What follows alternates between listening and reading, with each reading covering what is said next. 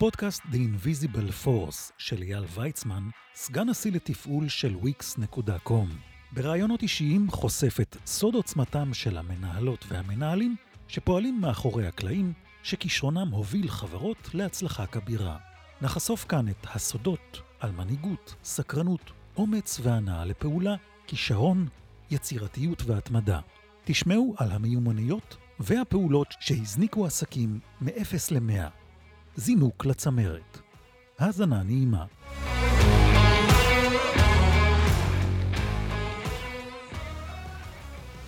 שלום לכולם, ברוכים הבאים לפרק נוסף בסדרה שלנו, The Invisible Force. אה, אני מאוד שמח לארח היום את אה, אבי קמינסקי. אהלן, ברוך הבא. ברוכים הנמצאים. אה, מנכ"ל ובעלים של חברת KCR, חברה שעושה דבר שבעיניי הוא, הוא מדהים, הוא קצת אצילי, והוא בעיקר, אני חושב, אני בעיקר מאוד מפחיד לעשות. אוקיי. וזה אה, התמחות בפתרון משברים סופניים של חברות. אה, אז ברוך הבא. אהלן. אה, היום אה, קצת אה, דיברנו לפני, ה, לפני הפרק, וכשחשבתי על, ה, על הפרק היום, אמרתי, אם אני עכשיו מנכ"ל של חברה שנקלעת לבעיה, למה שאני אביא מישהו חיצוני שלא מכיר את העסק שלי, שלא מכיר את העובדים שלי, שלא מכיר את הצרות שלי, כדי לעזור לי בתקופה שהיא כל כך קשה. כבר עברתי משברים בחיים, אחרת לא הייתי מגיע לאן שהגעתי. כבר פתרתי מלא בעיות. למה להזמין מישהו, למה להזמין מישהו כזה? תראה, ניהול משברים, צריך להבין שזה מקצוע. אנחנו תמיד אומרים, זה כמו שיש לך איזושהי בעיה בגוף ואתה צריך ללכת לרופא, אחרי שהבנת שיש בעיה, לך לרופא מומחה. וזה המקצוע שלנו. זאת אומרת, בסוף היום, כשאתה מתמודד עם משבר, אתה צריך ללכת לאנשים שיודעים להתמודד עם משברים. אנחנו פוגשים המון מנהלים, אנחנו עובדים עם מנהלים בכירים, מצוינים, שעושים עבודה מצוינת, אבל ביום שהגיעו למשבר הם מנסים למצוא פתרונות ממה שהם היו רגילים להתמודד איתו בעבר. ואז אתה רואה אירוע שהוא בעצם מתגלגל. אתה נכנס למשבר קטן, שהופך להיות למשהו יותר גדול, משהו יותר גדול ומשהו יותר גדול, שבסופו של דבר השליטה כמעט נעלמת לך מהידיים. וצריך להגיע גוף שעוצר לרגע ואומר לך, בוא רגע ננשום. עברנו כבר כל כך הרבה אירועים, שבוא נסתכל רגע מזווית שונה, אחרת, כדי למצוא את הפתרון לבעיה. תן לי דוגמה כזאת למשהו ש... אה, שקרה, אוקיי? ואתה מגיע מבחוץ ויכול, בזמן קצר, אני מאמין, להאיר את זה באור אחר. יינות ביטן, שהיו לא מעט בתקשורת, הסתכלו עליהם כל הזמן באור שלילי. מה ראו שם?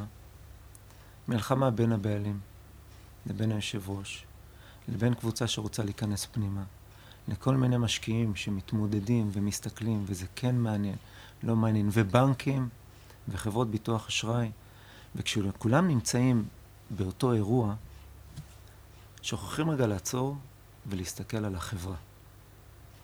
כשאתה עוצר ומסתכל על החברה, מה ראינו? חברה שהבסיס שלה הפך להיות לטוב מחברה שהייתה בעייתית, עם התנהלות בעייתית, פתאום לאט לאט אתה רואה הנהלה שהצליחה לעשות דברים טובים מתחת לפני השטח.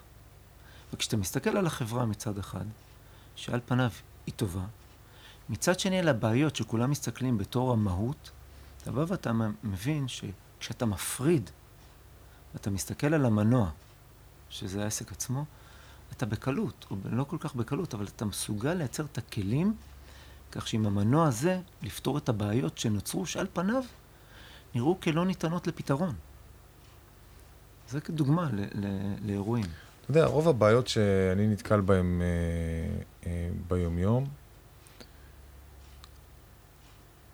המקור שלהם בסוף, או המניע הכי חזק הוא רגשי.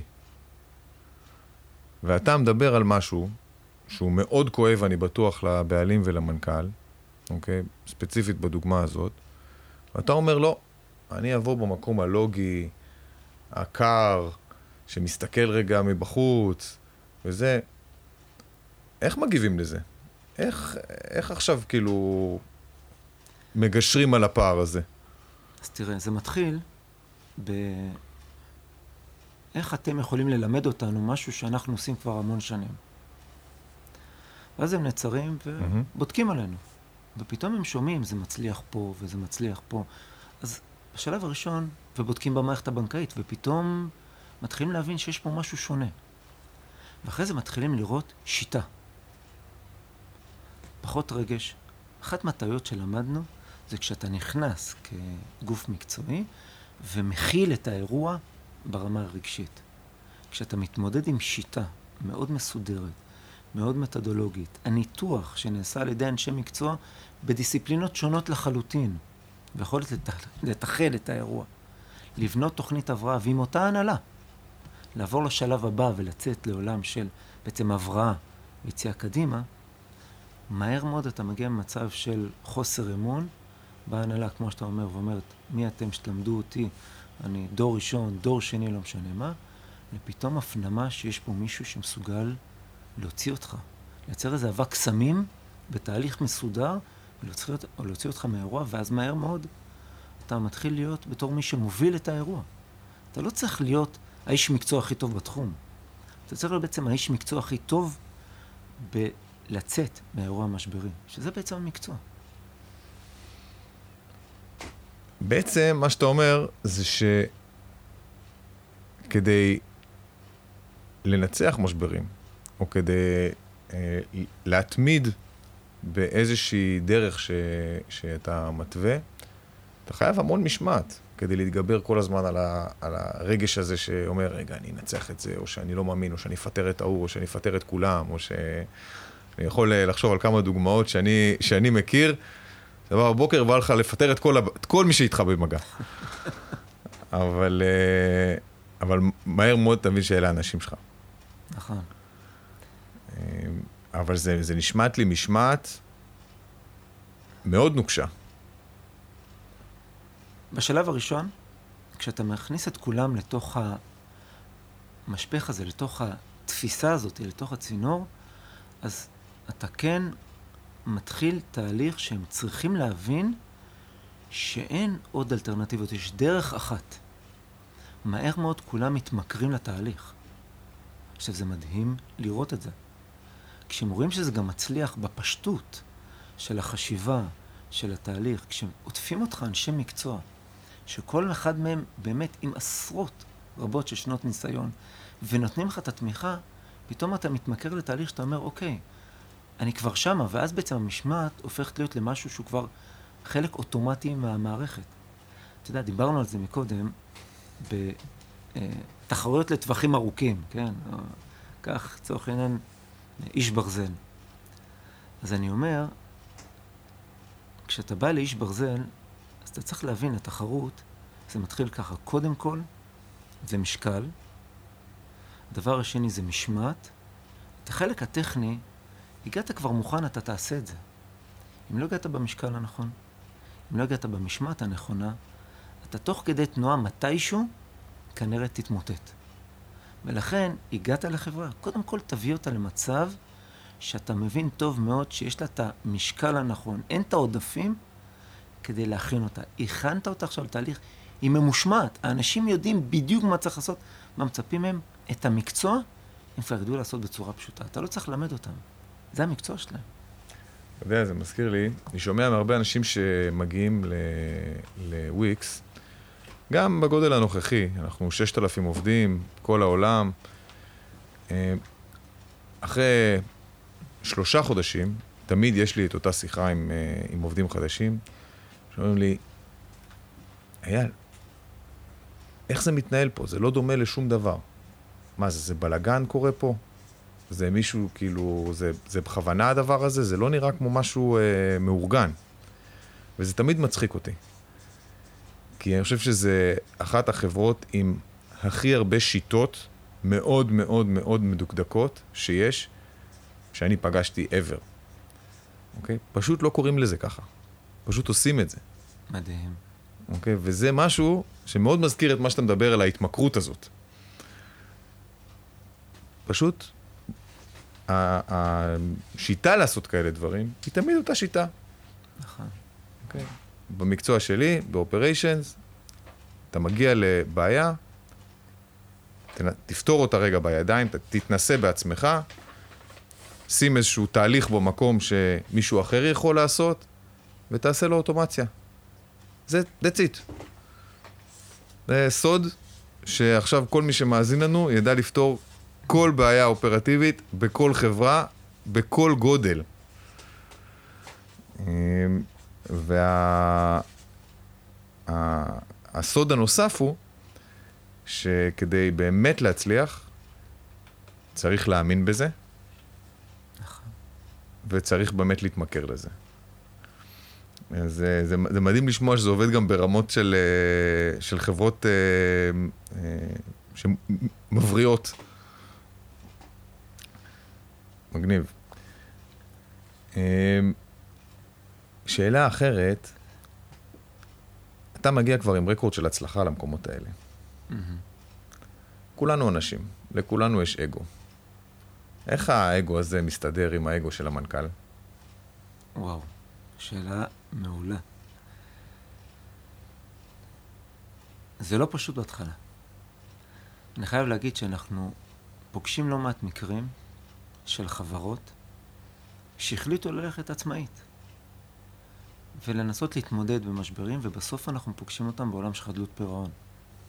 כשאתה פוגש אותם בעולם של חדלות פירעון ואנחנו נכנסים לשם כדי לטפל בהם, ההשקעה שאתה צריך לעשות היא חסרת היגיון.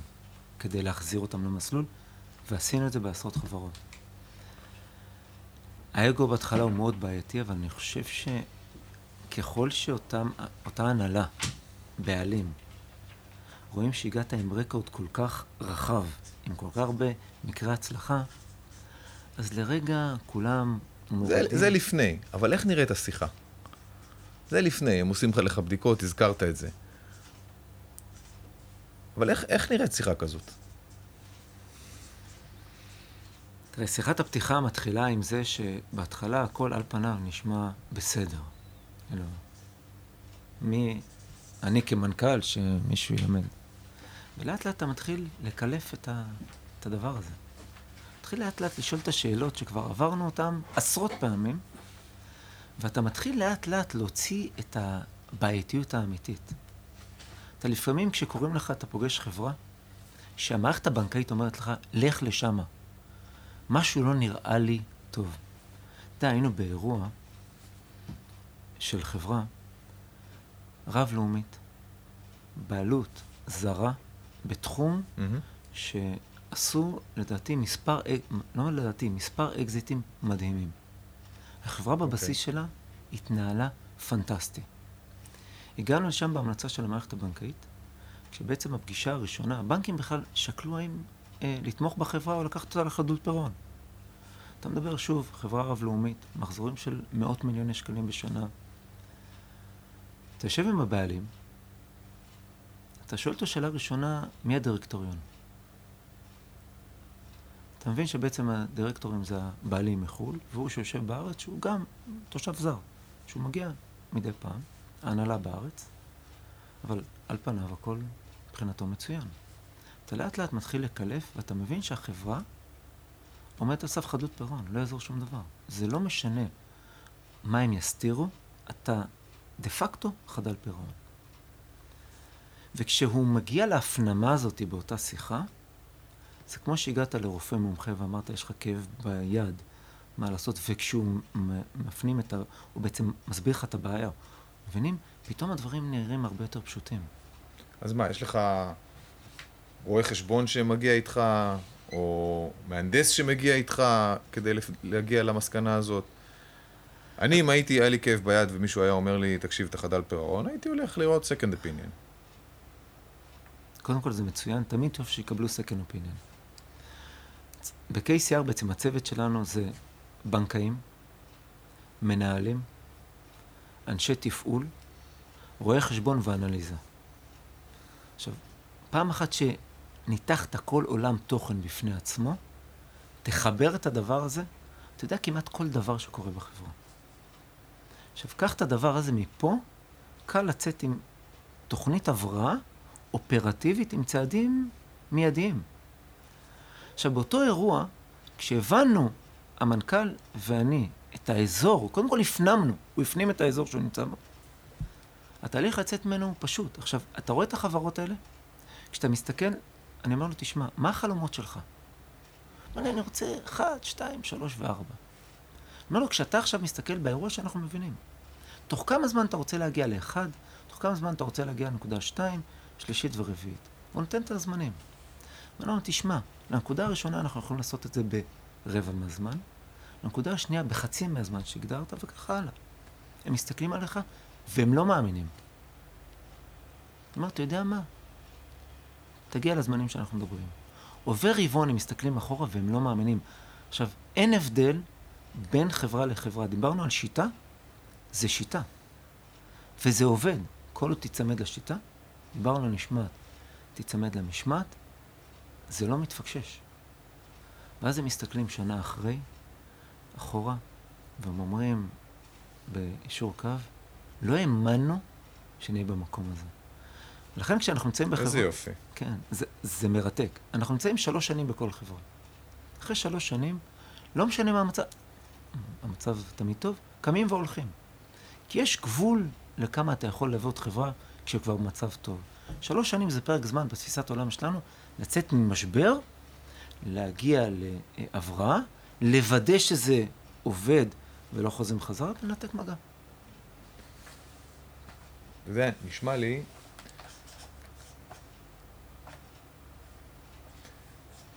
זה מאוד מעניין.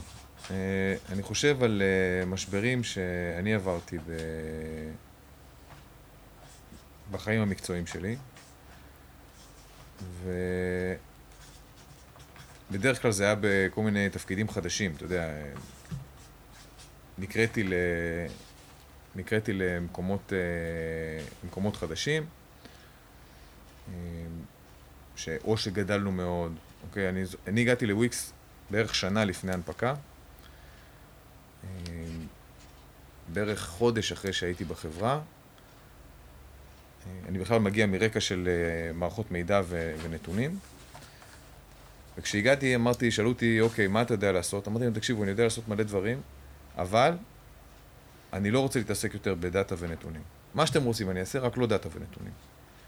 חודש אחרי, מגיע ה-COO וה... והמנכ"ל, אומרים לי, תקשיב, אמרנו לך שלא תתעסק בנתונים, אבל החלטנו לצאת להנפקה.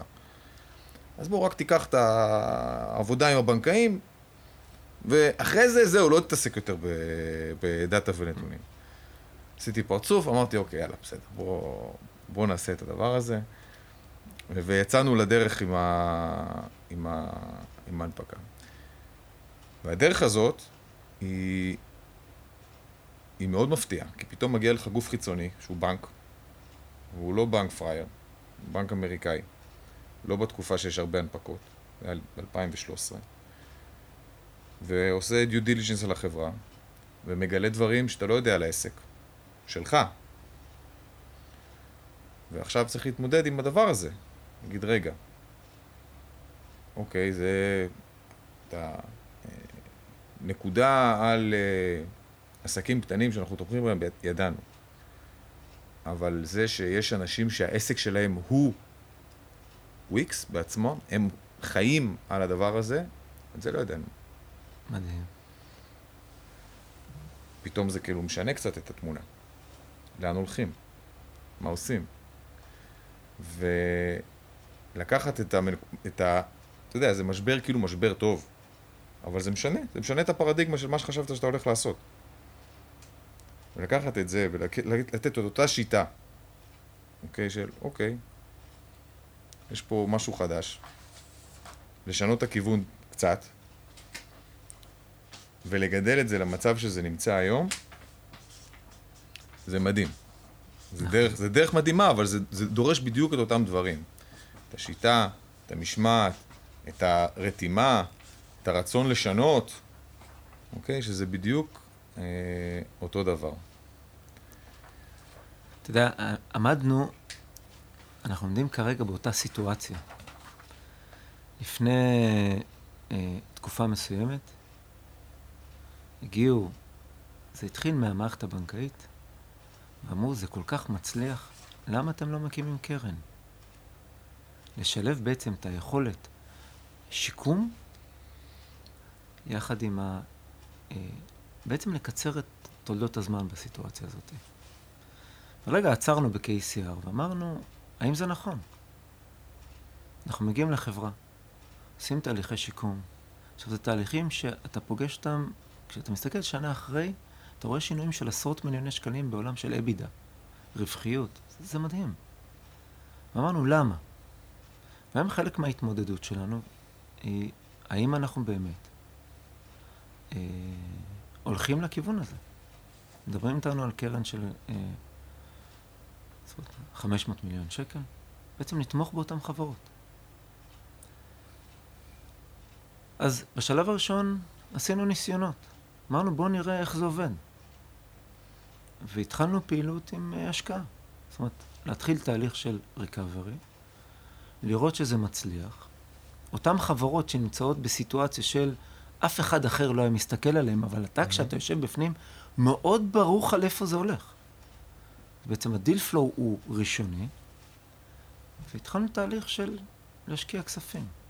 אם זה בחוב או equity, ופתאום אתה רואה שהתהליכים מתקצרים בצורה משמעותית, ופתאום אתה רואה הצלחות שמה שעשית בעבודה קשה, סיזיפית יומיומית, שממשיכה להיות, דרך אגב, פתאום מכפילה את עצמה בהצלחה. וזה חלק מאותו אירוע שאתם התמודדתם, אנחנו נמצאים כרגע בדיוק באותו שלב. ומוסיפים היום את ה... בשלב מסוים את יכולת השקעה בתוך העולם תוכן שלנו. אתה יודע, כשאני מסתכל על וויקס, מה שמעניין זה איך עשית את, ה... את הקפיצה הזאת לחברה כל כך גדולה. זה... בדיוק אה, אתמול הראיתי את הגרפים האלה. זה גרפים שכל סטארט-אפ שהוא מציג למשקיעים בפעם הראשונה, כשהוא רק מציג את החלום, מראה את הגרפים שעולים, אתה מכיר את הגרפים האלה? כן. שעולים אה, ימינה ולמעלה? אז החברה הראשונה שראיתי שבאמת יש להם את הגרפים האלה היסטורית זה וויקס. ואני חושב שיש כמה סודות שמאפשרים את הגידול המהיר הזה. אבל אני חושב שהסוד הכי גדול הוא, זה תרבות מאוד מאוד חזקה. יותר חזקה מכל אסטרטגיה שדיברנו עליה קודם, לקחת לקהל הזה, או לקהל הזה, או לקהל הזה. ולתרבות הזאת יש שלוש רגליים, בגדול. אחד, איזה אנשים אתה מגייס. וגילינו משהו נורא מעניין. תגייס כדי שיהיה לך כיף ו- ותבוא לעבודה ואנשים ייהנו, תגייס אנשים שמחים. ועוד דבר, אי אפשר להפוך אנשים להיות שמחים. אלא אם אנחנו נותנים להם סמים, ואנחנו לא, לא פסיכיאטרים ואנחנו לא עושים את זה. אבל תגייס אנשים שהם שמחים. באמת. והדבר הבא זה שהם מקצוענים. ומקצוענים, כשאתה אדם מקצוען הוא כנראה שווה פי לא יודע כמה מבן אדם שרק עושה את העבודה. הדבר השני הוא אה, למדוד הכל. אנחנו מודדים הכל. הכל. לא רק את הדברים שמראים בזה. לכל דבר שאנחנו עושים, יש מדידה. אנחנו מאמינים מאוד, שכח, ש, שזה שונה ממה שהרבה אנשים uh, חושבים, שלמדוד הרבה דברים עוזר לך להתפקס, לא הפוך. וכשאתה מודד רק מעט דברים, כולם יעשו הכל כדי לעקם את, את המציאות, כדי להתיישר למספר שאתה נותן במדד הספציפי הזה. וכשאתה מודד הרבה דברים, אתה מקבל תמונה הרבה יותר מקיפה על העסק, ויודע במה להתמודד. ובסוף, נכון, זה, זה, זה כמעט תמיד אותם מדדים. אוקיי, זה, אבל זה 13, 14, 15. יכול להיות לכל עסק, ויש לנו בוויקס משהו כמו 40 סוגי עסקים. ואני אה, חושב שהדבר האחרון, ואולי הוא המשמעותי ביותר, זה שאנחנו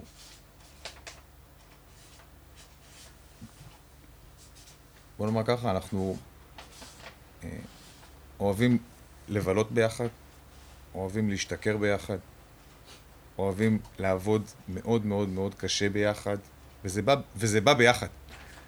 זה שאתה יכול לצאת עם האנשים האלה בערב ו... ולבוא למחרת ולעבוד עד השעות הקטנות של הלילה, זה בא ביחד. וזה מכניס אותך למשמעת הזאת, וזה נותן לך אמון אחד בשני. וכשיש את הדבר הזה, אז זה לא משנה מה, זה לא משנה מה השיטה שבחרת, זה לא משנה מה הדרך שבחרת. אפשר להשתנות. כאילו, אפשר לשנות את, ה, את, ה, את הדברים הספציפיים שאתה עושה כדי לאפשר גידול. זה בעיניי הדבר הכי, הכי משמעותי שחברה יכולה לעשות. ואני ראיתי את אותה הנהלה, אנחנו אותה הנהלה בוויקס, מאז שאני שם, זה תשע שנים, ואני בין הצעירים בהנהלה, hmm. אוקיי? אבל זו אותה חבורה של אנשים, אנחנו הולכים ביחד, מ-100 איש ל-6,000 איש. אתה יודע, אני לוקח כמה דברים, אני מסתכל על KCR, ואני mm-hmm. שומע אותך, אז אושר זה במהות. ואני מסתכל עלינו, אז אנחנו בסוף היום, הופכים אנשים מאושרים ב... בבפנים, מצב משברי. אני בטוח, אני בטוח. מדדים, בלי מדדים, בתפיסת עולם של, שלנו כ-KCR, זה יהיה בלתי אפשרי. וקושי. עכשיו, אתה יודע, כשאני מסתכל רגע על הפעילות שלך, אני בא מעולם של קושי, אנחנו פוגשים קושי ואנחנו מפרקים אותו. ספר לי על... כשאתה מסתכל ואתה בוחן את הפעילות שלך, קושי שאמרת, שהתמודדת איתו, שאמרת זה משבר, ואיך יצאת ממנו? אתה יודע, אנחנו בחברה שתשע שנים גדלה 30-40 אחוז כל שנה. כל שנה. וכל שנה, בערך בתקופה הזאת, שלפני סוף השנה, אני מסתכל ואני אומר, אוקיי, עכשיו צריך שנה הבאה עוד 30 אחוז. פתאום ה-30 אחוז זה נהיה 300, 400, 500 מיליון דולר. מאיפה עכשיו אני אביא עוד 300, 400, 500 מיליון דולר? זה מספרים ענקיים. אה, וכל פעם אנחנו מוצאים את הדרך. ומגיעים לשם ואפילו יותר. אבל אחד הקשיים המטורפים בדבר הזה, זה אני אתן לך, אני אתן לך דוגמה. אחת ההזדמנויות שהיו לנו זה אה, לשלוט בעולם שהוא מחוץ לארה"ב. ארה"ב הוא שוק עיקרי, אבל אנחנו חברה ישראלית, ב-DNA שלנו אנחנו לא אמריקאים, אנחנו ישראלים, ומחוץ לארה"ב גם יש אתרי אינטרנט, וזו הזדמנות, הזדמנות ענקית לעשות את הדבר הזה. אבל כדי להגיע לאחוזים שדיברנו קודם, צריך לעשות את זה ב-20 מדינות, ב-30 מדינות, ב-50 מדינות. איך אתה עושה את זה בשנה? זה לא קושי כזה של אה, חדלות פירעון, אבל uh, אני חושב שזה לא פחות, לפחות בתחושה, זה לא פחות עם הגב לקיר. כי צריך לעמוד גם בציפיות שלך מעצמך וגם בציפיות של השוק. אה, כדי להצליח לעשות את זה. ו, ושוב אני, אני אומר, אתה חוזר בסוף לאוקיי, בואו נזכור מה עבד לנו ב-48, מהמם. אז בואו נבין מה, מה עבד לנו עכשיו. אוקיי? וזו השיטה. תיקח את הבעיה, תפרק אותה, תמדוד אותה, תעשה פיילוט מהר, תראה שזה עובד. זהו, יש לך תהליך עכשיו. נכון. תשכפל אותו ב-10, 20, 30, 40, תלמד אותו את אחרים, יצא החוצה. תעבור לאתגר הבא. התהליך הזה לוקח שישה, שבוע, שישה חודשים, שמונה חודשים, תשעה חודשים, תלוי באתגר. אבל ככה זה לוקח. אתה יודע מה האתגר ה... אתה יודע מה, מאתגר ביותר שאנחנו מתמודדים איתו? זה לרגע לעצור את החלומות, שזה לא פשוט. אתה פוגש... למה? למה לעצור חלום? כי באירוע משברי, אתה קודם כל צריך רגע לעצור, לנשום. דיברנו על אה, משקל, משמעת. זאת אומרת שאתה צריך לרגע לרדת לקרקע, להתחיל תהליכים שלפעמים הם לא פשוטים, אבל הם הכרחיים, כדי לייצר לך מחדש את הפאשן, את התשוקה ואת היכולת לחלום מחדש. כי אנחנו פוגשים אותם לפעמים כשהם בתוך החלום ובתוך התהליך ובהשקעות ובבנייה ובעתיד, ואז אתה צריך רגע להגיד להם, חברים, עצרו רגע, בואו נחזור למקורות. בואו נבנה את התהליכים מחדש, בואו נמתין עם זה לעוד חציון.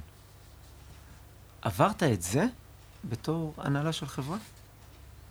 הרבה יותר קל לך אחרי זה אה, להיכנס לתהליך ובעצם להוביל אותו.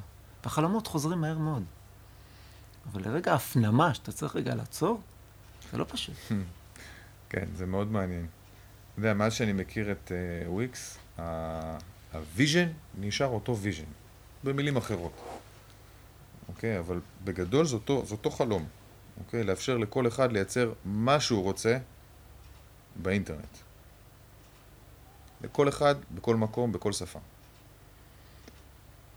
אמ, אבל המטרות בדרך היו מאוד שונות, הן למעשה משתנות כל חצי שנה.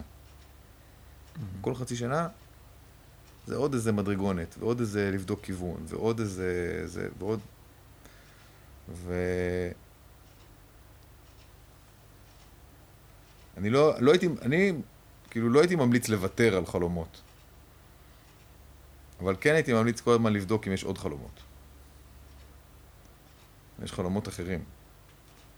אתה יודע, אנחנו ב-KCR, אנחנו מתמודדים עם חברות ממחזורים של 80-90 מיליון שקל ועד מיליארדי שקלים. אנחנו מטפלים בחברות ציבוריות, וכיוצא בזה.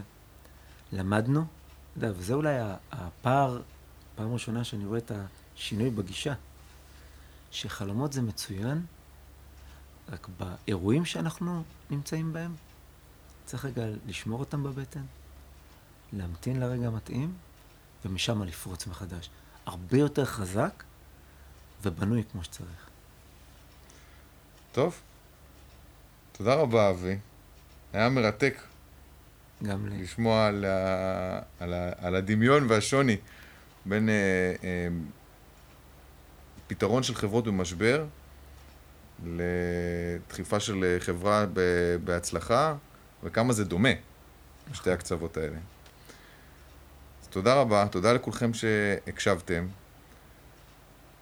תלחצו על מעקב, או על follow באנגלית, ונתראה בפרק הבא. ואל תפסיקו לחלום.